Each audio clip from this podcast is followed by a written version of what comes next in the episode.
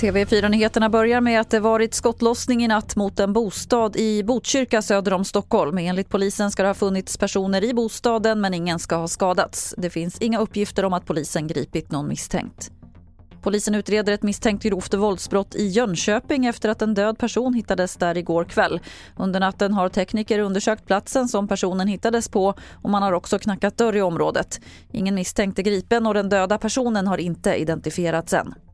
Vi avslutar i USA där den tidigare presidenten Donald Trump ju hävdat att han kommer att gripas idag. Bakgrunden ska vara ett åtal om utbetalningar till den tidigare porrfilmsskådespelaren Stormy Daniels. Trump har uppmanat sina anhängare att demonstrera. Thomas Kvarnkullen rapporterar från New York.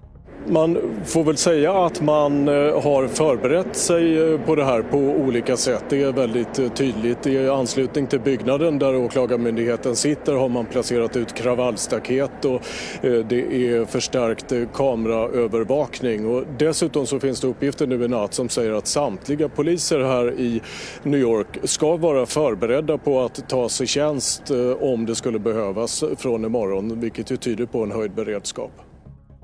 Och fler nyheter det finns på tv4.se. Jag heter Lotta Wall.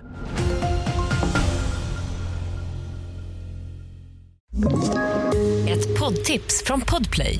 I fallen jag aldrig glömmer djupdyker Hasse Aro i arbetet bakom några av Sveriges mest uppseendeväckande brottsutredningar går vi in med hemlig telefonavlyssning och, och då upplever vi att vi får en total förändring av hans beteende. Vad är det som händer nu? Vem är det som läcker? Och så säger han att jag är kriminell, jag har varit kriminell i hela mitt liv men att mörda ett barn, där går min gräns. Nya säsongen av Fallen jag aldrig glömmer på Podplay.